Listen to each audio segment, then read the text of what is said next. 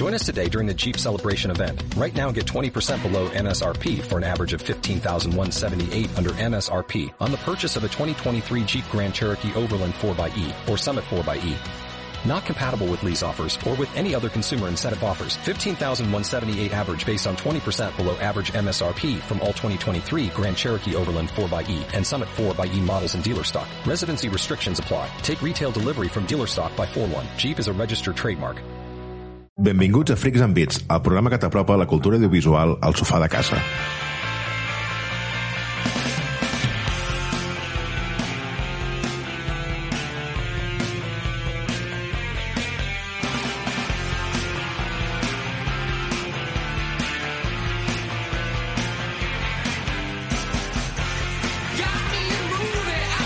Avui, en un intent absolutament inútil per tal de controlar el nivell de bilis segregat pels quatre mancats de sempre, ja que a aquestes alçades de la pel·lícula hem pogut comprovar que els miracles no existeixen, som...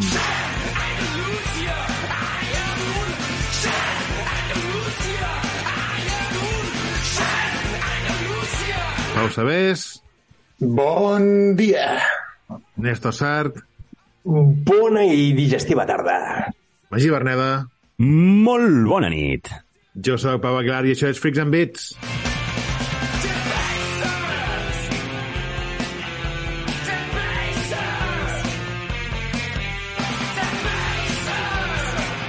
Avui tenim Freaks and Weeks, Pixelània, una nova secció sorpresa del Pau, el Magí no es queda enrere i també estrena detalls magistrals i acabem amb videojocs de paraules.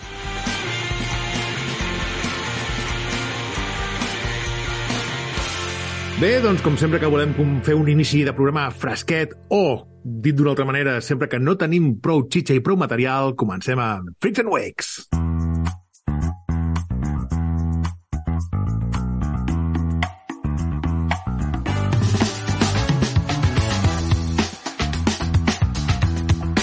A mí me daría vergüenza, vergüenza, cada setmana, tio, haver de buscar en el calaix de les coses que hem vist i per omplir aquest programa d'excel·lència. Sí, sí, és que ho tenim acumuladíssim, Pau, tio. dir, No De fem l'estiu. De l'estiu tenim coses, nois. De No, és que és tot coses que hem vist aquesta sisplau, setmana.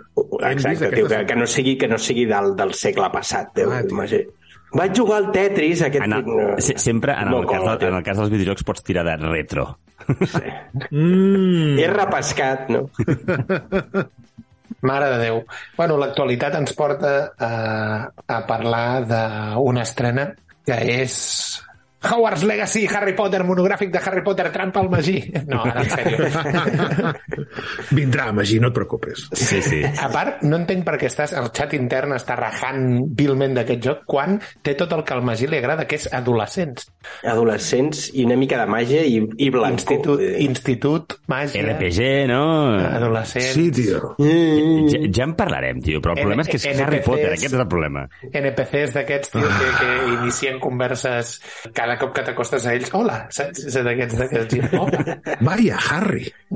Necessito que recollis cinc plantes al jardí de... Bueno, de fet, no surt en. Harry Potter, no? Vull dir, en, No. aquest, en aquest joc. És una Ets tu, preqüela... Néstor. És Tu una vull dir- o una seqüela? No ho sé. No, jo, és veritat. jo diria que és, És un antes? paral·lel, tio. És Perquè, contemporani. perquè no surt Harry Potter o no surt cap dels personatges de Harry Potter, o sigui, ni, ni Cap professors... dels personatges. No, Cap bueno, dels no sé, personatges. professors segurament però sí, potser sortiran. sí. Sí, jo diria que no, que és una aventura així per viure empapar-te de què seria si tu ets un, un mag. Ai, que romàntic. No, però tu pots fer això, però amb el professorat de Harry Potter. Tio. Sí, tio. sí, per això, per això, que per això Clar, pot, clar. segurament sigui això. Magí Berneda, te he cogido fumando porros en el baño. 15 puntos para Gryffindor.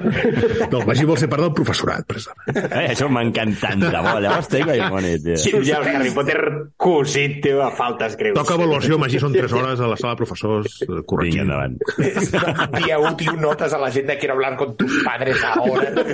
No vivo con mis padres, mis padres han muerto. No hi ha excuses. No hi ha excuses, les vull aquí, invoca'ls. Fins que no portis els No teus no sortiràs, tio. A veure, nois, centrem-nos. Pau, quina pel·li argentina has vist aquesta setmana? Avui us porto algo molt fresquet del 2022, protagonitzada per la Sandra Bullock, el Channing Tatum, el Daniel Radcliffe, el Daniel Radcliffe El Daniel Radcliffe i Brad Pitt. i Brad Pitt, que és La ciutat perduda o The Lost City.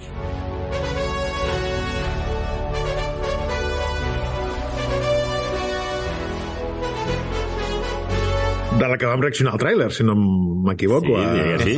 Molt divertida. Molt divertida. Acaba, acaba punxant en alguns puntets perquè no pots mantenir aquest ritme de jijujaja tota l'estona, però, però és, és prou Que entretinguda. és com un. Jumanji, com un... Sí, no, o sigui, aventuretes... La, la Sandra Bullock és una escriptora que és escriptora de novel·les d'aquestes eh, romàntiques, tipus el que feia també la, Sí. la Mark Simpson, no? aquest, aquest romanticisme barrejat amb arqueologia i tal, perquè ella en realitat és arqueòloga i ella tenia un parello, es va morir, que també era arqueòleg, i aleshores arrel d'aquestes històries d'arqueologia que ella coneix, crea una, mm -hmm. un, un personatge i un, un masculí i un femení, i aleshores hi ha el Channing Tatum, que és el model de portada de les seves novel·les. Vale? Té com moltes novel·les, i aleshores hi ha el Channing Tatum, que és el model de portada, que es coneixen, òbviament, perquè han fet diverses novel·les, porta diverses novel·les, i que el tema és que ella té les novel·les aquestes que no està fins a la polla, i en canvi el Channing Tatum està encantadíssim perquè tothom l'atura pel carrer, perquè totes les dones saben qui és i tal i qual. És el I típic aquell de portada de llibre de, de pit descobert, melena Ah, camisa, rossa... camisa i- blanca camisa oberta. oberta Ai, ai, ai, ai. sí.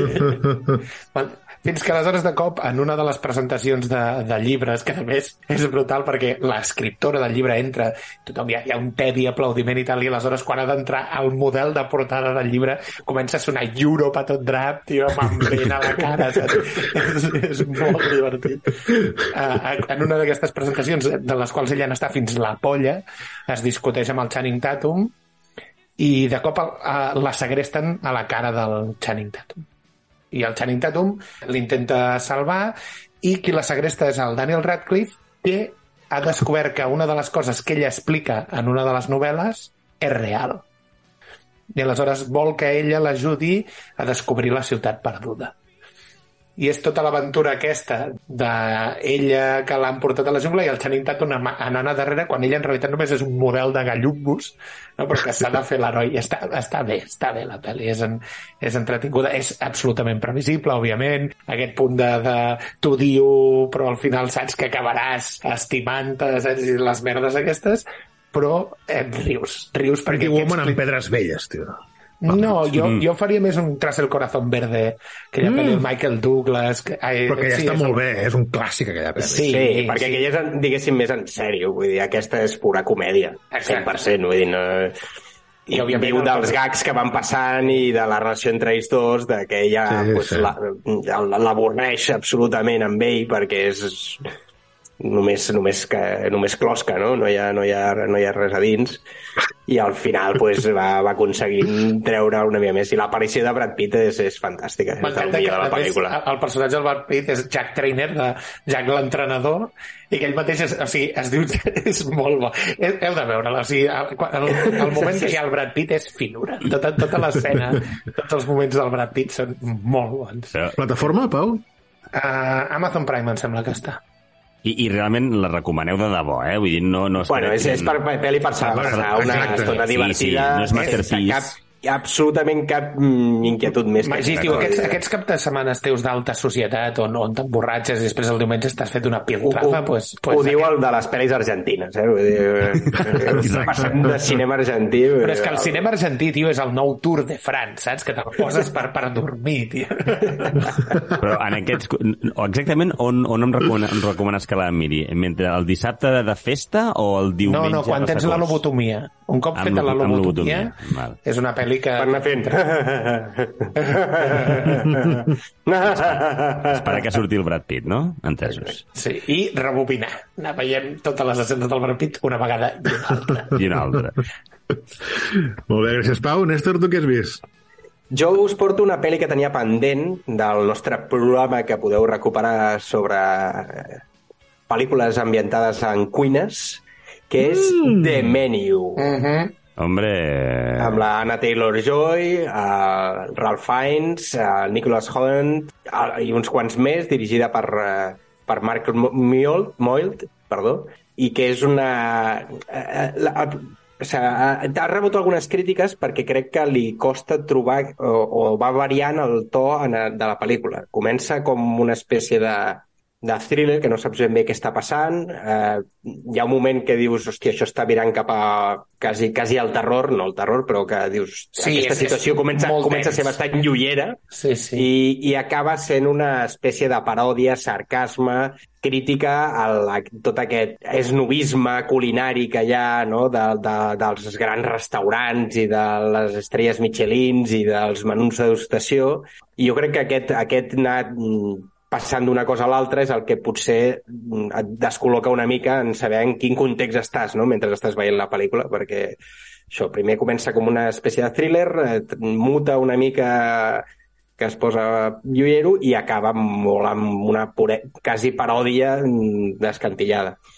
Però jo, jo me la vaig gaudir, la veritat. Eh, eh, vaig trobar que era una bona pel·lícula, amb molt bones interpretacions, la Taylor-Joy està molt bé, i té els típics personatges, la crítica culinària, que, que cada plat l'analitza de quines són les errades i, i, i- que ha destruït milers de negocis. Hi ha el, la parella que té moltíssims diners i que és quasi el menú de migdia, aquests, aquests dinars de- de- d'estrelles de, Michelin, els típics tios de negocis que estan allà perquè ara estan el seu cap. eh, I el seu cap és, els- el fin és part del finançador dels restaurants aquests, també. Ha l'altre que és el flipat absolut de la, de la cuina i que, que, que és un obs- obsès total pel, pel, pel xef així eh, de, del restaurant i el personatge de la Taylor-Joy que és com una espècie de bolet allà al mig de tot això, no? I qui és el xef, Néstor? El dit, és el... És el, és el, És el Lord Voldemort, especial Harry Sí, Potter. el Ralph Fiennes. el Ralph Fiennes, que també fa un, un paper bastant, bastant xulo, tio. D'un cuiner d'aquests d'estrelles Michelin super prestigiós que està fins les pilotes de tot. No? L'escena l'escena hamburguesa amb formatge és finura. Ah, sí, sí, aquesta està molt bé. Tio. Tot el discurs i tota, veient les caricatures dels personatges i com cada un viu no? aquesta, que, que, que, tota aquesta experiència culinària, perquè la pel·lícula al final és simplement eh, tots aquests comensals que hem, que he comentat una mica, que els fiquen en un vaixell i els porten a una illa on està aquest restaurant que és la, el, el més top que hi ha i els hi fan un menú degustació per a ells i que és un menú que és extremadament car i super selecte i, i llavors la, la pel·lícula transcorre durant tot aquest menú de, de degustació. Nota, Néstor? Set i mig? Sí, sí, sí. Un set i mig em sembla una nota... M'agrada el, condi condicionant del el Pau, Pau, directament. Ja, ja no, perquè el Pau, amb les nostres crítiques, ja, ja, ja, ja està Ja acostumat a, a posar notes tio, a través de les nostres crítiques, sense haver vist el producte.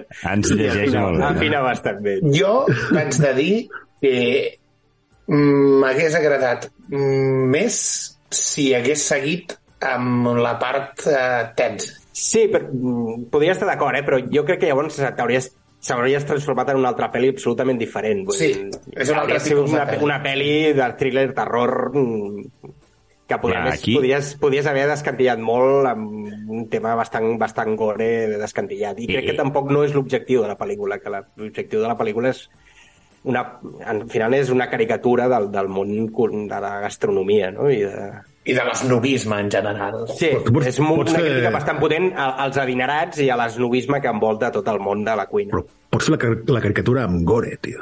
Sí, ja, ja, té, ja té algun puntet. Sí, sí, té, uns punts, té un parell de punts d'aquests una mica pujats de to. Hauré de mirar res, aquesta. res, res, res. eh, Pau, no vagis a buscar gore perquè t'emportaràs una decepció. Sí, no, però és el que deia, que jo crec que la pel·li, si hagués tirat per aquest cantó, li hagués encantat al Pau, en un moment determinat que veus que es va torçant, dius, buf, això... Bueno, però igualment me l'heu recomanat, aquesta que està, que està bé, que, sí, que m'ha bé. sí. Sí, sí, sí, bé. tens clar que vas a veure això i que, i que la pel·lícula o sigui, quan comences és això, dona una impressió i acaba sent una altra cosa. Vull dir que crec que és la crítica que se li ha donat una mica a la pel·lícula, no? de que no, no estableix un to, no? que sigui uniforme durant tota la pel·lícula, sinó que... Però jo crec que també això mm, ajuda a, a, a accentuar no? una mica aquesta sensació al final de, de paròdia de tot, perquè una cosa que sembla molt sèria i que dius, ostres, estarem de mare, al final acaba sent una, com un, un, un circ, no? Molt bé, gràcies, Néstor. Magí? A veure, dues coses. La primera és que ja m'he passat oficialment i ja he desinstal·lat el God of War Ragnarok. I això, nois, us, us asseguro que em fa molt feliç. No, ja Haver-lo ja desinstal·lat. Desinstal·lar, no? No, haver-me'l passat. Bueno. Tenia, el, te- el, tenia, el tenia molt pendent. I, I us confirmo que, sense haver-me passat l'Elden Ring, eh, doncs és un dels grandíssims jocs de, de, de l'any passat. Ja, ja, ja ho sabíem que estava a les quinieles i com va quedar, no? Però bueno, meravellós, molt, molt, molt recomanable i si us va agradar la primera, la primera part, aquesta és continuació directa i et quedes amb un fantàstic sabor de boca. I d'altra banda, em, dir-vos que he vist, que no sé si n'hem parlat molt, o sigui que si, si és així, ja, ja tinc confusió. La sèrie de Netflix Kaleidoscope, Sí, jo la vaig Anem- comentar quan Sí, vam fer la repassada de que Però bueno, jo també- no jo també era havia parlat, aleatòria, no? D'acord. Jo també havia Bueno, parlat de menú. amb la Paz Vega i el... D'acord, va, i senzillament, bueno, comentar que, que això, per, eh, havies fet la, la menció, però no sé si l'havíeu vist o l'heu vist vosaltres, perquè jo, jo sí que l'he acabada, i això us, us comento que, que, bueno, que està bé, que la història, una, que, la, que, el, que el tret distintiu d'aquesta sèrie és aquesta que cada usuari la consumeix amb un ordre diferent, això sí que ho havíeu comentat, i que l'últim capítol és comú, sí? i cada capítol, el títol del capítol és un color, llavors mm, l'ordre és això, és, eh, tot és un, tota la història gira al, al voltant d'un atracament i, i, i fa gràcia perquè doncs, cada capítol representa que són un moment determinat respecte a aquest atracament, no? Doncs 5 anys abans, o 24 hores abans, eh, una setmana després, vas veient els capítols en l'ordre que et toqui i a l'últim capítol doncs, sí que és el comú per, per tothom, no? I està bé. A mi és una sèrie que, clar, també és cert que el que jo digui ara, que és que per mi ha anat de menys a més, no, no sé si no serà... és vàlid per tothom, no? Clar, Perquè- clar, clar. I a mi, Tot i quant el Perquè pitjor jo, ordre, jo crec, és que això crec, crec que té, té un component de risc de, de dir, hòstia, eh, depèn de com la consumeixes, pot ser molt diferent l'experiència que jo tingui de la teva, Sí. no? De, Bueno, no sé, la, la veritat és que te n'adones, eh, que cada capítol et posa en un context de seguides... O sigui, està explicat una mica com per tontos. En el, per, per la, la idea aquesta que et dona com una informació que quan que dius, vale, sí, sí, ja, ja sé, ja, tot el que m'estàs dient hi ha moltes coses que ja sé, però bueno, pues és normal, no? Perquè suposo que sí, perquè pot ser aquell el primer capítol d'algú. Aleshores, entenc que comencen així sempre. Però vaja, una experiència d'aquestes curioses, que a mi m'agrada que, que les sèries intentin innovar d'alguna manera, no? Aquesta ja havíem parlat de les sèries de Netflix del, del Bandersnatch, no? Aquest capítol especial de, de Black Mirror on podies anar triant opcions una sí, miqueta amb amb l'arbre aquest així de possibilitats, Clar, no? a, mi, a mi aquestes experiències, i ara que em diguin que hi ha una sèrie on és igual l'ordre, l'ordre és aleatori i sí que té un capítol final comú, a mi m'agraden aquestes coses i, i l'experiència, doncs xula, m'agrada. Home, són experiments que s'han d'anar fent, no? Perquè és que si no, amb la quantitat de contingut que es genera a nivell de sèries i, Eh. i de pel·lícules, o, o intentem buscar alguna cosa realment nova, o al final acabarem absolutament saturats. S'ha d'innovar, s'ha d'innovar. I res, per això, per si algú està, li ha cridat atenció, doncs sí, Kaleidoscope a, a Netflix i, i amb el grandíssim Giancarlo Expósito, el nostre estimat Gustavo Fring de Breaking Pollos Bad. hermanos, tio. Pollos hermanos. I la Paz Vega, que no tenia ni idea que sortia per allà, i vaig, la vaig veure i dic, what? I sí, sí, molt bé. Molt bé, Pau, i tu què has vist? Què has jugat? Què ens portes? Doncs jo, si la setmana passada us, vaig portar Ex, avui us porto Pearl. Que... La segona part d'aquesta trilogia serà trilogia, encara la tercera persona no, no ha sortit, que serà Maxine, amb 3 X. Um, segona part, tot i així, és preqüela. No és una seqüela de, de X, sinó que és una, és una preqüela que està situada sobre els anys... Uh, 40, no? no ara, ara, ara no recordo si era Primera o Segona Guerra Mundial. No, és segona, és segona Guerra Mundial, pel, pel que expliquen en la primera pel·lícula, és Segona Guerra Mundial, que el seu marit se'n va anar a fer la Correcte, guerra. correcte. Sí. Sí. Perquè la Pearl és la dona, la, pro, la propietària de la, de la granja on van a gravar l'equip aquell de, de sèrie B de pel·lis porno, doncs la propietària és la... És, és Que, la... per cert, avui estava escoltant, estava escoltant el programa anterior on el Magí pregunta quin tipus de porno és. No, no. No descontextualitzeu. Volia, volia fer la conya de si és una pel·li de terror, quin tipus de porno han de gravar perquè sigui una pel·li de terror. Cream pie, no? Vídeos, nois, vídeos. Mil la imatge immaculada del Magí, Déu. Una broma malentesa i ho convertiu en una llegenda, nois. Sí, sí. Pel·li dirigida pel Ty West. La, la diferència també respecte a X és que aquí la Mia Goth que, que fa el paper de Pearl com feia en el... En el o sigui, no, no, no, o sigui, No és porta protagonista a X, Clar, no porta, exacte, no porta les exacte. pròtesis. L'em- Sí, exacte. O sigui, a, a X l'envelleixen per fer de Pearl i aquí, i aquí surt com a... Com a... Que hi, ha, que hi ha una escena que estan tocant-se i prenent un te i sempre m'encanta, tio, intentar esbrinar com ho han fet. Aquestes interaccions Ah, amb la mateixa persona. Sí, Mm, sí. sí, sí, sí. Sempre, perquè hi ha plànols d'aquests com... Bueno, hi ha aquella llegenda urbana que diuen que a Heat, a l'escena aquella de Mm. Brother, you're going down, Sí, que en realitat no hi eren. Era, van gravar un i altre i que tota l'estona són dobles perquè deien que no es podien Veient clatells, no? Clatells, Exacte. I, I tu mires i dius, hosti, és que realment podria ser que no hi fossin. Que no hi Podria fossin. haver gravat per separat, no? Dir, Els dos, els dos actors. Sí, sí. I vaig veure també, ara no recordo quina altra pel·li, que també hi havien fet el mateix perquè hi havia algú que no suportava l'altre i va dir que ell no gravava amb aquella persona i era una escena de diàleg davant d'una porta i ho havien gravat també per separat. Hòstia, Això, això, vull dir, que em sembla tan poc professional, vull dir, que, o sigui, Sí, que, tio. que tu com a actor diguis amb aquest no gravaré una escena, què, què vol dir, tio? És la teva feina, vull dir, estem fent una pel·lícula on sortiu els dos. Si ets el Però no haver signat. Vull que dir. llavors dius sí senyor i vull dir el que digui vostè. Però estem parlant de penya que vol agua mineral cogida de Alaska, toalles húmedes de seda japonesa Sí, i... I llàgrimes de Yeti. Sí. No, Pau, Pau, a què? No sé si t'has quedat a mitges, la història. M'he quedat a mitges perquè el que us anava a dir és que la diferència entre Pearl i X és que aquí la Mia Goth participa en el, en el, en el que és el, el guió i la història, cosa que X no participava. I quin, sí, sí, I quin tipus de porno és? No, és broma. Imagí, em sap greu dir-te que a Pearl no hi ha porno. No. I porno de la Segona Guerra Mundial. hi ha porno indirecte. Ah, O sigui, mira. miren porno, però no fan porno. Ok. Okay. Qual cosa potser que hi ha... Pues porno, Aquí ja t'hem enganxat, eh, Magí? porno mirant a la pel·lícula, el Magit. He de dir que segurament Pearl sigui millor pel·lícula que X, tot i així a mi em va agradar més X. El porno. Per la temàtica entenc que la, Però la part- X és més slasher, Sí, no? I, X i és- Pearl és una pel·li més... Les dues es consideren no? slasher, però cuinat. X és més slasher eh, eh, a l'uso que no pas Pearl. I a mi I em tu va t'ha agradar agradat més més? X. Pe... Ah, t'ha agradat més X. La primera. I, dius, Sí, i, el que el i dius que Pearl és Però millor. com a pel·lícula segurament sigui millor Pearl que X. Entesos, entesos. Que el Pau li agrada més un format clàssic potser no sorprèn a ningú, no? No, no, no, ja, ja. Sí, sí. I aten atenció al protagonista entre cometes protagonista masculí perquè és molt protagonista la Pearl, però protagonista masculí és el Henry Cavill de Zendado, és un paio que, que posat a fer de, un paper del Henry Cavill ho podria fer perfectíssimament. Sí? Sí, sí, podria. Jo el vaig arribar a confondre, és un tio així catxes, així amb, el mateix repentinat que el Henry Cavill, sí, sí, són clavats. Respecte a Henry Cavill.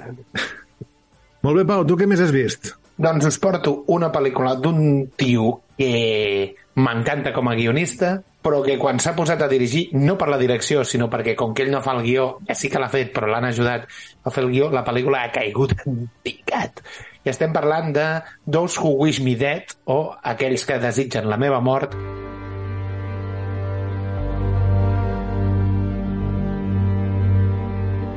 dirigida per Taylor Sheridan, que és el guionista, per exemple, de Sicario, de Wind River o de Comancheria, tres westerns moderns brutals, i aquí ell agafa les regnes amb l'Angelina Jolie com a protagonista, el Finn Little, que fa de nen, i aleshores com a dolents hi ha el Aidan Gillen, que és el Littlefinger de Mhm. Game of Thrones, o el Nicholas Hoult, que el podeu conèixer, per exemple, dels X-Men les noves versions, el que feia de Beast. I també hi haurà el John Bernthal, que està a diverses pel·lícules d'aquesta gent. La Angelina Jolie és una paracaigudista, un graf, el graf que tenim aquí, els bombers aquests que són com els Navy Sí. Seals dels bombers que els Sí. llencen a ple foc al mig de la intempèrie i tal, doncs als Estats Units això ho fan també amb paracaigudes. I ella és una, una cap de bombers que ha tingut un, una mala experiència i té un trauma, una mica d'estrès posttraumàtic per l'últim salt que ha fet i que decideix eh, durant aquest estiu no fer campanya amb l'equip, sinó centrar-se en una, en una torre d'aquestes de vigilància del videojoc Fire, del Magí, aquell videojoc Oh, on tu estaves dalt d'una torre i anaves vigilant els focs i havies d'avisar si hi havia focs al bosc. Firewatch. Firewatch, aquest. Aleshores, ella està en una torre d'aquestes i això va per una banda. Per una altra banda, el que és el, el Jake Weber, que fa d'Owen, el Jake Weber, potser el recordareu per a l'Amanecer de los Muertos, o era el marit d'aquella sèrie amb la Patricia Arquette que es deia Medium, que era una noia que ajudava a resoldre casos mitjançant les visions que tenia, doncs aquest noi, aquest senyor, té un fill, que és el, el Connor, que és el Finn Little, i de cop veus unes notícies que hi ha hagut l'assassinat d'una persona, el pare es fa nerviós i decideix tocar el dos amb el nen. Tu has vist prèviament que el, aquestes persones que els han assassinat, les han assassinat el, el Aidan Gillen i el Nicholas Hoult, i aleshores el pare li explica al fill que el, el pare és un comptable que treballa pel fiscal del districte, que ha descobert que gent important ha fet alguns trapis econòmics i s'estan carregant qui ho sap. Aleshores decideix tocar el dos i se'n va a buscar el seu excunyat, que és el John Bernal, que és el xèrif de la zona on està l'Angelina Jolie. I a partir d'aquí ja podeu imaginar què passa. El nen acaba amb l'Angelina Jolie i l'Angelina Jolie doncs, acaba havent de protegir el nen d'aquests sicaris i d'un incendi que també hi ha pel mig. Hi ha escenes que no tenen cap mena de sentit. Hi ha una escena d'uns llamps que vaig dir, no, no entenc què collons fot aquesta escena aquí al mig. I, per tant, em sap greu recomanar-vos aquesta pel·li perquè Taylor Sheridan mereix molt més reconeixement que tot això. Per tant, mireu Sicario o mireu Wind River o mireu Comanxeria, que, que són molt millors, i aquesta pel·lícula poseu-vos-la si voleu patir algun moment de vergonya aliena. Molt bé, gràcies, Pau. Néstor? Bé, doncs jo us porto, ja en vam parlar quan vam parlar de les nominacions i els guanyadors als Globus d'Or, de la peli, de l'última peli de, del nostre amic Aronofsky, Darren que eh, es diu The Whale.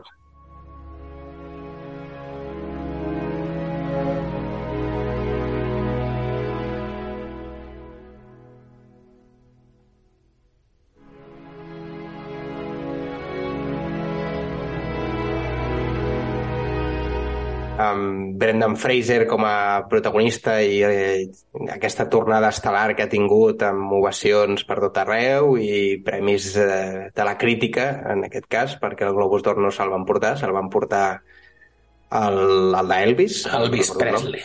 I, I és una pel·li que, bueno, és en la línia d'Aronofsky, o sigui, una pel·li que és, que és dura, que és, que és dramàtica, Tensa. que, que, però que, Te l'han que que d'explicar, també... te l'han d'explicar també, perquè Madre, per exemple, era... No, no, en aquesta no hi ha res. O sigui, és una pel·li que és transparent en aquest sentit. Potser seria més a la línia de pues, Requiem per un sueño o d'aquestes, que Vale. vull dir que simplement segueixes aquest procés de, del, del personatge del Brendan Fraser, que és, un, és, una, és, és una persona que ha perdut una pèrdua molt important vale, de la seva parella sentimental i, i que aquesta parella sentimental l'ha- tingut eh, a mitges d'haver eh, trencant la seu, el seu antic matrimoni amb una dona. Vale? Eh, I se'n s'enamora d'un home i, i es, es, es casen i converteixen en vida i llavors deixa, entre cometes, abandonat a la seva filla de 8 anys perquè entre pues, la relació que estableix amb la seva exdona i tal, pues, no li permeten veure. La parella d'ell mor i llavors ell entra en una espiral autodestructiu no? i guanya moltíssim pes i arriba un moment en què la seva, la seva salut és molt delicada i és, mm, ell entra en un procés com d'intentar redimir-se de les coses que ell pensa que, que s'ha equivocat o que ha fet malament o de la relació amb la seva filla. I, i és una pel·li que és dramàtica perquè, pues, pues, perquè el veus amb ell en una situació molt límit, no? en què té una salut extremadament delicada, i com intenta reconnectar una mica amb la seva filla, que no vol saber, òbviament, absolutament res d'ell, i que també és, té una vida difícil amb una família de pocs recursos i tal.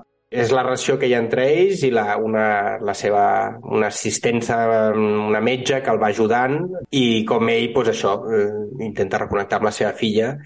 I, i així com altres pel·lis d'Aronofsky són d'aquestes que recreen molt, diguéssim, en la desgràcia, no? sense, sense donar cap, cap, cap bri de llum d'esperança, no? En, en aquesta, aquest, aquesta, no sé si també el personatge aquest que fa el Fraser, que té aquest, aquesta, aquesta, que, que transmet aquesta bondat, no? En, o aquest, aquesta pensament una mica naïf, fa que hi hagi com un bri d'esperança, no?, de salvament de la humanitat, de dir, inclús en les situacions més, més adverses i més dramàtiques hi ha, hi ha, o sigui, hi ha possibilitats de redimir-se no? i de, de fer les coses bé. La veritat és que és una pel·li que visualment impacta molt, perquè més el Brenda Fraser, que ja és gran de per si, totes les prògetes i tal, i a més la, la, la pel·lícula està en 4-3, el que fa que encara sembli més gros en, en, en pantalla, no? ell, i en, i, en, i en totes les coses que ha de fer, doncs té aquest, aquest, aquesta part visualment impactant i té el dramatisme clàssic d'Aronofsky, però que és el que es dic, jo crec que en aquesta té com un bri de dir hi ha una certa esperança, no? de, tot i que les situacions siguin límits, eh, d'intentar arreglar les coses. No? I, i la, hi ha una frase que diu ell, no? de, de, de, les, les persones són incapaces de no, de no, de no, de que no els importi, no? Diu, no, ara no sé si exactament aquesta la frase, no? Però, I em va, la veritat és que m'agrada molt, la vaig gaudir, és una pel·li que és dura, que és dramàtica, que fa llagrimeta, però, però que em va agradar molt amb la línia de l'Aronofsky. Molt bé, gràcies, Néstor. Magí? Collons, doncs tornem a Freaks and Beats. Jo us portava un joc de ritme a on els dolents són exhibicionistes. O sigui... Mm. Tornem al teu tema, Magí, clar que sí. No, molt, molt ràpid. I, no sé si us vaig dir que vaig estar com uns dies provant, descarregant jocs que valien un euro o mig euro a la, de la Switch, que estaven d'ofertes de Nadal, i em vaig pillar tot el que veia de que era de, de musicals. I hi ha un que va sortir prou bé, que es diu Radio Hammer Station,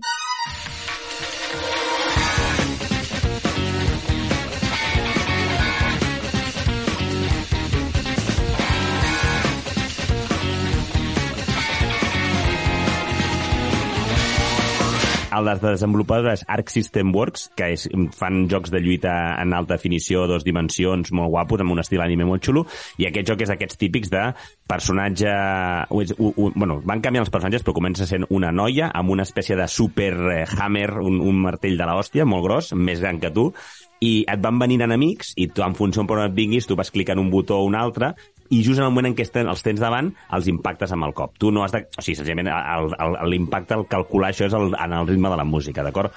Busquen l'excusa. Però els dissenys dels personatges estan molt curats, com us deia, o sigui, així és un estil HD eh, anime molt xulo, i a la primera missió, els dolents, o sigui, s'acosten cap a tu, tios exhibicionistes amb gabardina i, i ulleres de sol que van, venen corrents així ta, ta, tapats i quan els tens davant s'obren la gabardina, tu no veus res, però en aquest moment impactes. Els has de rebentar els picarols, no? Els hi has de rebentar, bueno, tot, tot, els impactes tot el cos. Ah, és dels jocs que per el que valia, em sembla que valia un euro, et fa passar una bona estona, em vaig passar uns quants, uns quants mons, són partides molt rapidetes, molt tonto, i la música al principi dic, vaig pensar, hosti, per un euro no està malament, però és cert que de seguida es fa repetitiva i perquè molt que canvis el món, en el mateix món van sonant cançons que són les mateixes, vull dir, eh, fluixet. Però bueno, ja us vaig portar aquell altre que estava basat en una franquícia de joc eh, de lluitadors déus, en recordeu l'Spikes, en no sé què. Uh -huh. Aquell, aquell, oblideu-vos, i aquest, mira, si el trobeu d'oferta i us agraden jocs musicals, pot estar bé. No, no, no, no et canses dels jocs musicals, no, Magí? Fa, fan feliç. De Déu, tens la Néstor, puta mateixa proven... dinàmica, tio, una vegada i una altra i una altra, tio. Prova'n un, prova'n un i veuràs per què. No, no, sí, sí. sí. Ja, ja, ja n'he provat, vull dir, des de ja, el Guitar Hero, vull dir, ja, ja, jo ja vaig tenir prou. Molt bé, Pau. I tu què ens portes? Jo us porto segona part de dosi de terror amb Smile. Uh! Pel·li del 2022, hi ha hagut bastant de ressò amb aquesta pel·li, per exemple, a Twitter, s'ha fet molta, molta campanya per Twitter i xarxes. Sí, um... van fer també una campanya d'aquestes de màrqueting agressiva, tenien uns sí. actors per, per repartits per estadis de futbol en què es quedaven totalment immòbils amb un Correcte. somriure, tio, Uah, de fons. Iu, tio. Pel·li dirigida pel Parker Finn, escrita pel Parker Finn i basat en el curt de Parker, de Parker Finn Laura Hasn't Slept, o sigui, la Laura no ha dormit, eh, que està a YouTube, o sigui, el podeu veure, el podeu veure gratuïtament. Uh, molt ràpidament, l'argument de la pel·lícula és uh, uh, una terapeuta que treballa en un psiquiàtric, té una pacient que està traumada perquè el seu professor d'història de l'art es va suïcidar davant seu. I li explica que hi ha una entitat que pot prendre l'aparença de qualsevol persona, que la persegueix i li diu que morirà en breu. I a partir d'aquí, mira la pel·li. Et va agradar? Mm, sí. Et, et va arrencar un somriure? Em va agradar, però us he de dir que és poc original. És poc, poc original, original perquè agafa, sí, agafa molts elements de, per exemple, It Follows. Ah, sí, sí, quan l'estaves explicant, exacte. És semblant, sí. Sí, sí, Molt sí. bé. bueno. Però a veure, la peli, com a peli de terror, si el que vols és passar una estona lluiera, fantàstica. Molt bé, fins aquí Freaks and Wakes.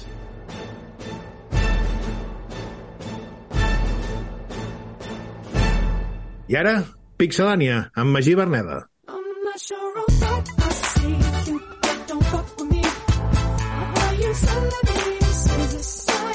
Bé, nois, Pixelània de Chichinabo. Pixelània sense haver, se, sense, content. sense haver fet els deures, perquè tan sols, al moment en què estem fent aquest programa, ha sortit, han sortit ja les primeres notes, ja la gent ja ha pogut toquetejar i juguetejar amb el Hogwarts Legacy, el videojoc, un dels videojocs més esperats d'aquest any, sobretot per aquesta eh, borregada de penya que és mega aficionada a la saga dels mags eh, petitons estudiantils. Ens estem Eh, tocant la vareta amb aquest joc, Magí.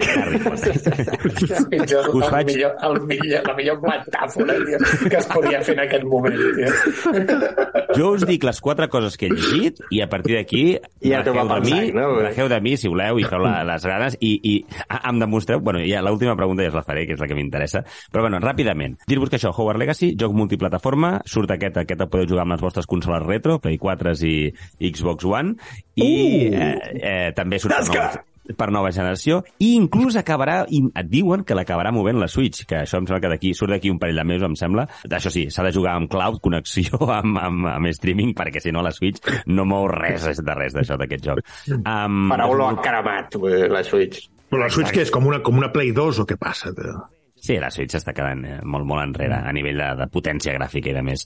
Mm. Desenvolupat per Avalanche Software, eh, aquest joc ja feia molts trailers que l- l'estàvem estàvem seguint-lo. I bé, a hores d'ara, us avanço, primer de tot, que té un Metacritic de 85, molt respectable, Sí, amb tant. 40, 45 reviews, i el que diuen les diverses crítiques que m'he pogut llegir en diagonal és que, com a videojoc, eh, ja sabeu, estem davant d'una aventura de rol eh, i acció en tercera persona, que té una bona ambientació, ja sabeu, no portem a Harry Potter, pa- et crees un mag, mm, suposo que hi ha una edició inicial del teu perfil, i, i pots començar-te a crear... Ken, Ken Wait per crear els nostres noms de Mac, eh, tio. Jo crec que és millor això que no pas portar Harry Potter. El fet també poder penso. crear el teu personatge. En aquest sentit, crec que és una bona decisió. Parlen de molt bona ambientació, d'unes secundàries interessants, d'un sistema de combat divertit, on, que, és, que és versàtil, que, que, que, que això, que tu passes bé mentre vas fent les teves, els teus combats, i que, i que planteja divers, varietat de situacions, minijocs, que el fa, que el fa divertidot en aquest sentit.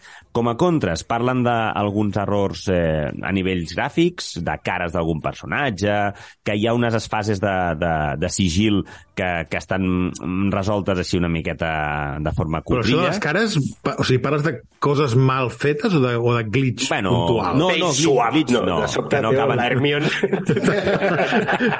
és el ron, no? Sí. No, no, O, de, o, de, o aquells clàssics homes burro, tio, de, de Red Dead Oh, Redemption. sí, de tio. mític. Un que té No, no. el nas al front, tio.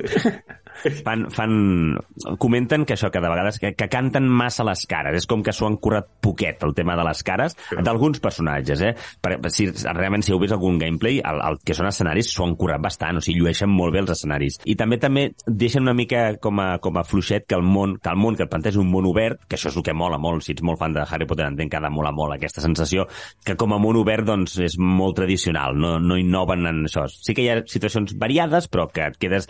que al final la sensació és una miqueta de ja he jugat aquests estils de jocs, no? Més enllà d'això, i amb aquest 85 de Metacritic que és amb el que m'aferro jo, jo us dic, jo us ho deia, jo tinc un problema amb això, i, i m'agradaria molt que trobéssiu un paral·lelisme amb les vostres vides, perquè a mi els videojocs m'agraden molt i tinc el problema que m'agraden molts tipus de videojocs, molts gèneres diferents, i aquest és un gènere que sobre el paper m'agrada molt, o sigui, aventures d'acció en tercera persona. Però Harry Potter, us ho dic en sèrio, em fa molta mandra, i em fa mandra ara posar-me a jugar això. Sé que és el moment de jugar-ho ara perquè és quan tothom estarà a tope, però uf, és que tinc moltes coses pendents i em fa molta, molta mandra. Pues juga al Magí, perquè no hi haurà ni els, ni els nens de les pel·lis ni res d'això, tio. Si, simplement és l'univers, tio.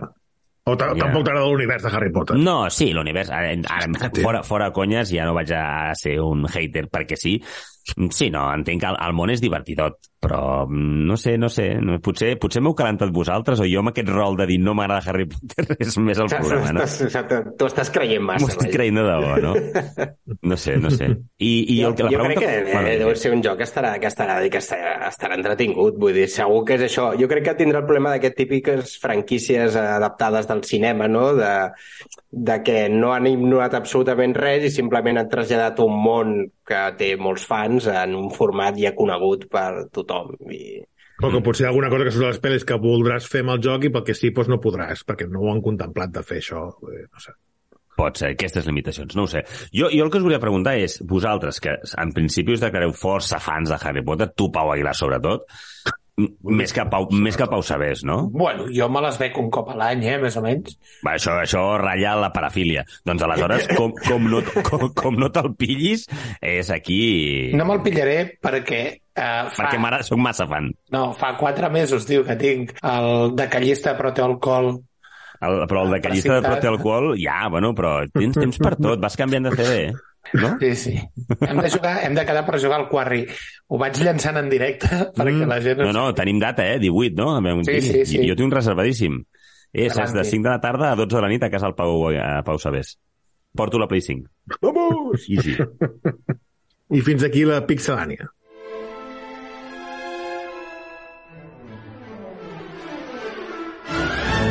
I ara el nostre director ens porta una secció sorpresa. Pau, què ens portes? Doncs, nois, algú ha d'animar aquest cotarro. Hi ha prou de seccions reciclades. Hem de crear una nova secció perquè feia molt de temps. massa temps que no- que no creem molt de temps que no teníem Bé, director, una bé. I avui no en portem una, sinó que en portem dues. Però començarem amb la meva i veient que últimament hi ha alguns fils de Twitter que, que fan reculls de pel·lícules segons anys i fan aquella merda pregunta de con qual te quedaries, no? Pues jo... Pues passes a fer exactament això. O tria només una, no? Sí. I les altres no han existit altres- mai. Exacte, no Vale, existeix. només ara ja han començat a fer merdes tipus Al Pacino Robert De Niro elige uno. No. Oh. No. Però bueno, eh, jo he fusellat una mica la idea, però ho he decidit convertir en un concurs. I per entretenir l'audiència he creat el concurs al joc de les paulícules.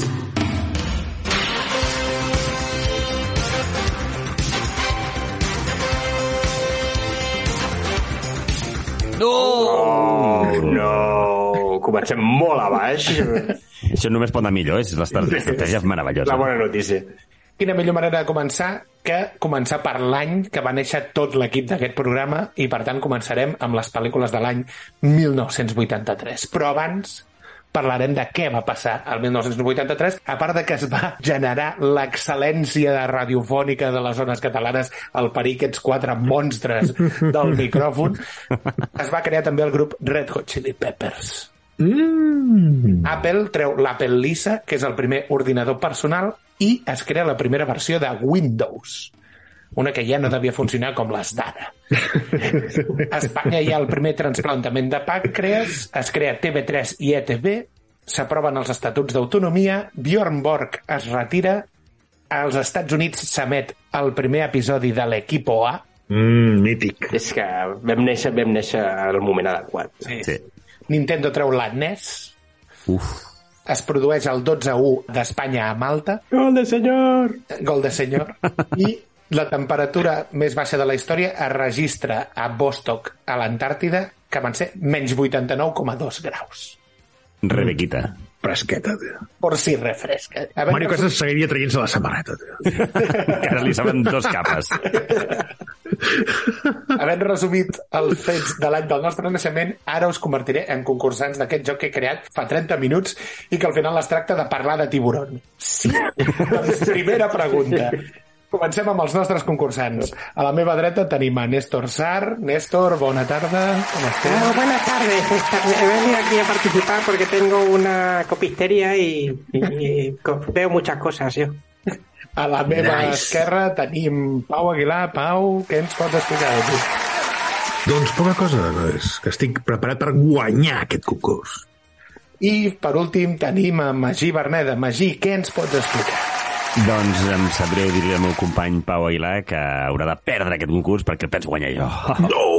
Sí, Magí? Doncs en efecte, parlem de Tiburon. Tiburon és una saga. Tiburon té diverses pel·lis. Una d'elles es va estrenar l'any 1983. Cert o no? Òbviament no hi ha cap pel·lícula de tiburon al 83. Rebot, Pau? Sí, hi ha pel·li de tiburon. al 83. és mirat, això. No, a, I a Néstor no té opció de res. Sí, però... No, no, no. no, Hi no ha el tiburon de Schrödinger, no? Ai, m'agrada- Sí, no, no. alhora. Néstor? la, la resposta correcta és potser, no? Néstor? Es va estrenar, però no es va filmar, el 83. En efecte, hi ha una pel·lícula l'any 1983 No. que és Tiburon 3D. Pel·lícula on ja no apareix el Brody, però Això no està dins de la... De la Oh, no, però és un holograma, no? Al 83 hi ha un tiburon 3D. és la, la Tiburon del parc aquàtic on, el, on hi ha el Dennis Quaid fent de fill del Brody amb el Simon McCockindale que fa aquell de, de, del Pijales que hi ha el, el, el Louis Gosset que fa de Calvin Bouchard i que hi ha aquest tauró, tio, mal fet amb els dofins en el parc aquàtic és, és, és Vu- vu- 83 No hem vist aquesta mandanga, Però, Pau. però o sigui, a, a part del títol, la gent anava amb les ulleretes al cinema. Sí. No, no, no. De vermell i blau i tota aquella merda. Sí, sí. Que Era pitjor, no? Era pitjor, era, era rotllo ull màgic. T'havies de posar molt a prop de la tele i anar-te Havies de posar separant. els ulls molt guenyos, dir. I és tot de tios molt enganxats a la pantalla del cine tirant cap agradat endavant. Plano de l'audiència, no? I tothom amb els ulls estràbics, no? Cosa. varis, varis marejos, vòmits, tio. Molt bé, Pau. Aquí ens diuen a la fitxa tècnica que ens han passat que ets un amant del terror. Correcte. L'any 1983 es van estrenar no dues, sinó tres pel·lícules adaptades en llibres de Stephen King.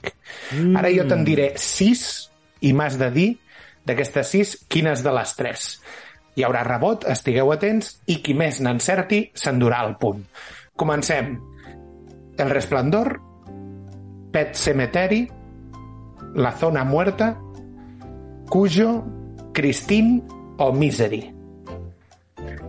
Hi ha una que tinc segura que és Christine. Després diré Pet Cemetery i Cujo. Jo només Jo dic les altres tres. Les altres tres. I jo, la de Christine. I jo, la de Christine. I eh, El Resplendor, perquè m'agrada molt, tot i que no sigui del 83. I, i, i sóc incapaç de recordar els altres noms. Misery, Misery, Pet Cemetery, El Resplendor, La Zona Muerta, Cujo, Christine. Zona, zona muerta. Zona muerta té pinta, molt pinta bien a 83. Doncs hi ha un empat entre el Pau i el Magí perquè van ser La Zona Muerta, Cujo i Christine. Mm. Néstor, tu sempre has defensat Daniel Craig com el millor James Bond de totes les èpoques mundials de James Bonds. Correcte, sempre m'encanta aquests ag- agents secrets que marquen eh, eh, a punt de patar l'esmoking i que se'ls veu la pipa, tio, només respirant. aquella, aquella pistola, tio, que, que està tan incrustada a les costelles que la pots agafar tant d'una banda com de l'altra. No? L'any 1983 es van estrenar dues pel·lícules de James Bond. Et diré els títols i me n'has d'encertar, o qui n'encerti més, les dues, com a màxim, òbviament, s'endurà el, el punt. Quins dels films?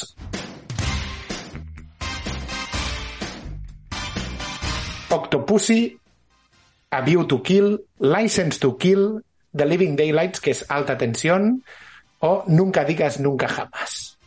Que hauria de ser el mateix actor, que llavors diré que... Mm, potser està aquí la trampa, Néstor. Uh! Ah, hi ha un salt d'actors. Mm. Aquell any no va anar bé per un i, i per l'altre. Se'l va empatar ràpid, i, ràpid, ràpid, filmar ràpid. Octopussy, License to Kill. Pau? Jo, jo diré Octopussy i A View to Kill. I jo, Octopussy i un altre. Et dic les altres? Sí, dic les que quedaven, de les altres que quedaven. Alta tensió o Nunca digas nunca jamás. Alta tensió, alta tensió. 6.49. Doncs tots teniu mig punt, perquè és Octopussy i Nunca digas nunca jamás. I per què es dona això? Perquè el Sean Connery fa Nunca digas nunca jamás, que és aquella pel·li que és fora de la llicència oficial de James Bond i que és una venjança dels productors perquè el, James, el Sean Connery quan va deixar de fer de James Bond va dir Nunca más haré de James Bond I aleshores el tio va necessitar calés i li van dir, vine, vine. Però la pel·li es dirà Nunca digas nunca jamás i és una mena de remake d'Operació Trueno. I l'altra sí és Octopussy.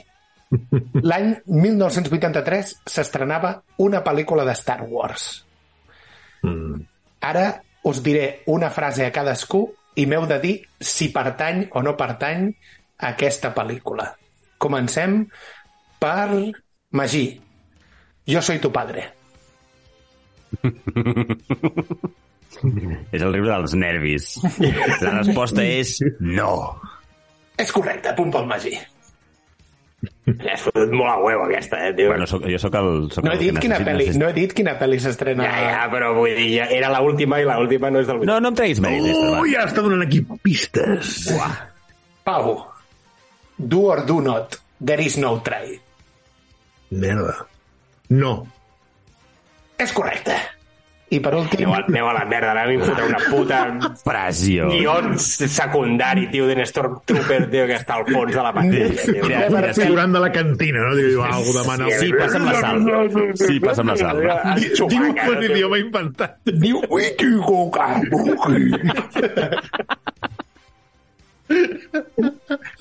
Never tell me the odds. What? És impossible, això, tio. No, no És el que diu el Han Solo quan està allà amb la nau i... Per tant, Néstor... No, em di- li diu al C3PO això que the odds i diré que sí. Totes tres frases eren de l'Imperio Contraataca. I la pel·lícula que es va estrenar l'any 1983 és El retorn del Jedi. Ai... Atenció, triple empat a dos punts, del, dos punts i mig de, de, de, de tot l'equip. Acabarem amb la última pregunta. L'any 1983 es van estrenar tres pel·lícules de Tom Cruise.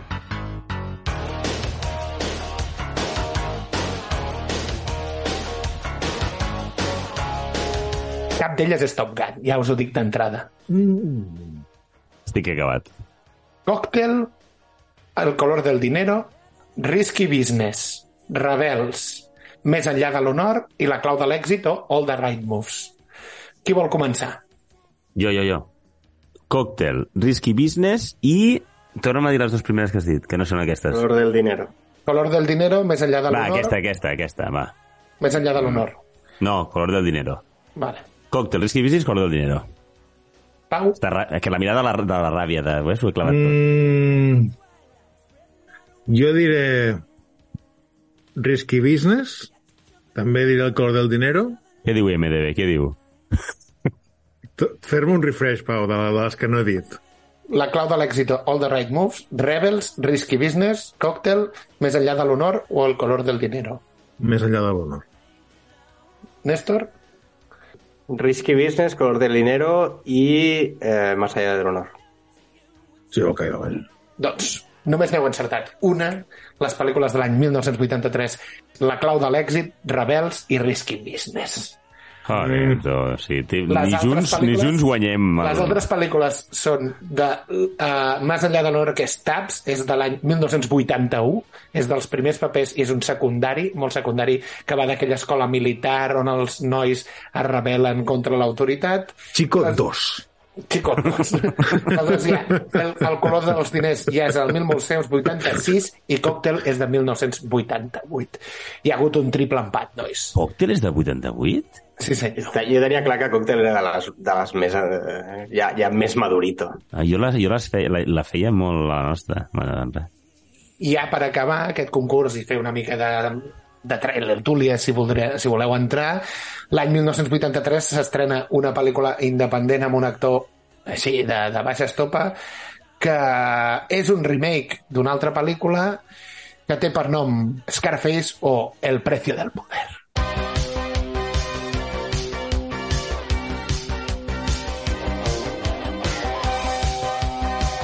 L'Al Pacino i les seves mítiques frases Where is the yello? Per exemple. Aquesta pel·li és... You get the money, you get the power. Say hello to my little friend. Jo soc una altra mica mexicanya. Sí. Say hello to my little friend. Aleshores tenim una pel·lícula també així una miqueta sèrie B que és El Trueno Azul, aquella pel·lícula sobre un helicòpter de combat superintel·ligent i que simplement l'he posat perquè la protagonitza el Roy Scheider, Mm. és el protagonista de Tiburón. Comencem un nou monogràfic sobre Tiburón. Videodrome, de les primeres pel·lícules del Oh. David Cronenberg. Aquesta Mhm. pel·lícula està molt Body bé. horror. Impacto Súbito, una de les seqüeles de Harry el Sucio, amb el Clint Eastwood. Flashdance, mítica pel·li, més per la banda sonora que no per la pel·lícula en si, que és molt icònica l'escena d'ella escalfant o l'escena d'ella fent aquell striptease amb la gerra d'aigua que Deadpool en fa la conya aquella tirant-se bales a sobre. Sí. Va, va morir fa poc la cantant de, de la mítica cançó de Flashdance, em sembla. Sí. Fa, fa uns mesos. Sí, sí. El sentit de la vida dels Monty Python, un altre mega Mm. clàssic del cinema, i Possessió infernal del Sam Raimi amb el gran Bruce Campbell fent de. Aquesta és la primera o la segona? Aquesta, primera. aquesta diria que és la primera, l'altra és Va, va. Terriblement, terriblement muertos, em Va, sembla va, que sí, és, sí, i sí, la sí, tercera és l'exèrcit de les tènebres. Sí, sí, sí. O sigui que l'any 1983 està bastant bé, sobretot pel senyor Tom Cruise i pel senyor Stephen King, que es van embutxacar bastants billetons aquest any amb, amb, amb drets d'autor. Molt bé, Pau, gràcies pel joc de les paulícules. Mare de Déu.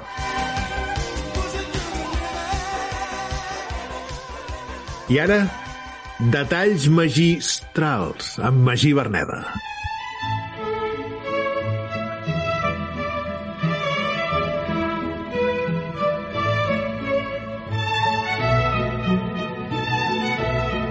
M'encanta que és amb Néstor Sar, no? Bé, nois, i fa dies que li donava voltes a dir, va, no pot ser que tot entri dins de Pixelània, eh, així que fem una, un petit espai que faci respirar Pixelània, però que estigui relacionat amb els videojocs, i a, Més magit. amb la idea de, de detalls, no? De, de, i, I tot això em va venir a... Tot allò que sempre ens en fotem de tu, no? Que et quedes 25 minuts mirant una roda com puja i baixa de la vorera. Podria ser, podria començar amb les rodes dels cotxes del GTA, però no ho faré. Ho faré amb el fet que, que va ser el, responsable de portar-vos aquesta, una nova secció, no? que de tant en tant doncs tiraré. Mireu, estava jugant al Persona 5 amb la Switch, la meva partida, que ja porto unes 30 hores, això tot just acaba de començar, ha sortit, ha sortit ja el títol, el, el, el títol de Persona 5 ja a la pantalla, o sigui, ja puc començar... Després de a jugar 20 seriosament. hores, no, tio? De, de, de... Sí, no, no, a veure, és, estic... De estic- discussió adolescent. estic encantat, no, no, està molt guai. Llavors, us, context. Jo estava jugant, ja sabeu que el, el personal jugo al tren, exclusivament. O sigui, a, a casa no, no jugo a la Switch, estic al tren. I jugant va passar el següent. Uh, en el joc pots comprar llibres, d'acord? De les mils de coses que pots fer per anar millorant les teves habilitats, pots comprar llibres. Eh, els, pots comprar-los, els pots pillar a la biblioteca i uh, els quals pots anar llegint en moments concrets. Per exemple, quan arribes a casa al vespre, allò abans d'anar a dormir, doncs la- una activitat d'abans de, de, de la nit pot ser lectura. A- Depèn dels llibres que llegeixis, depèn de la temàtica, doncs millores algunes de les teves eh, estadístiques, d'acord?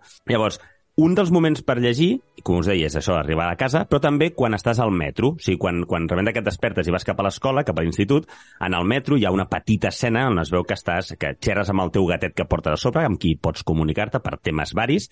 En el La, metro... la meva pregunta, Magí, és si vols llegir perquè no llegeixes, tanca la Switch, tio, i llegeix una mica. Clar, tio.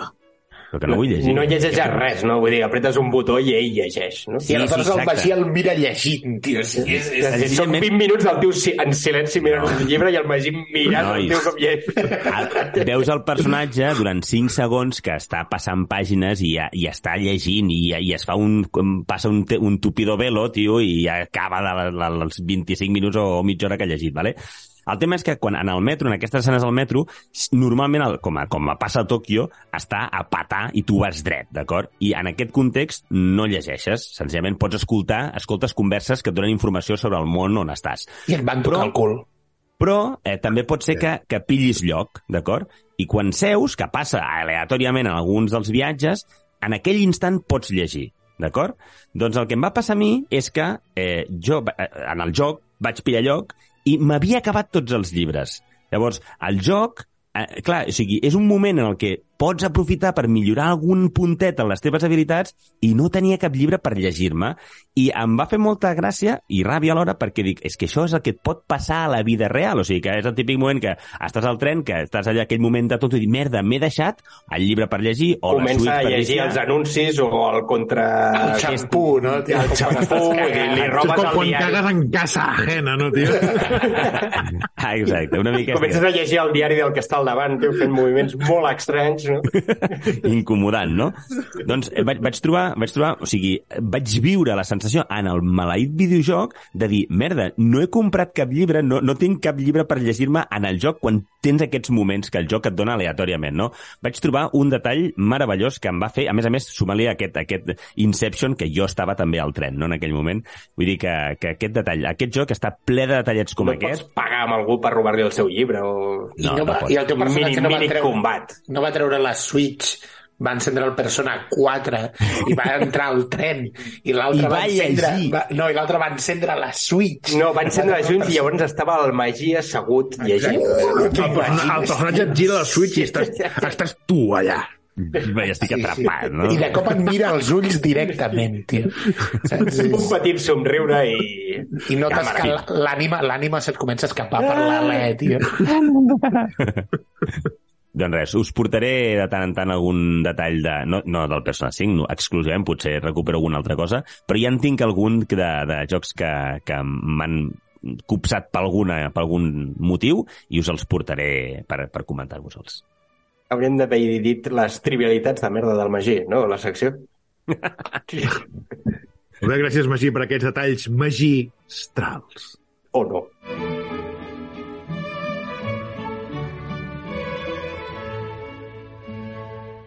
I ara acabem amb videojocs de paraules.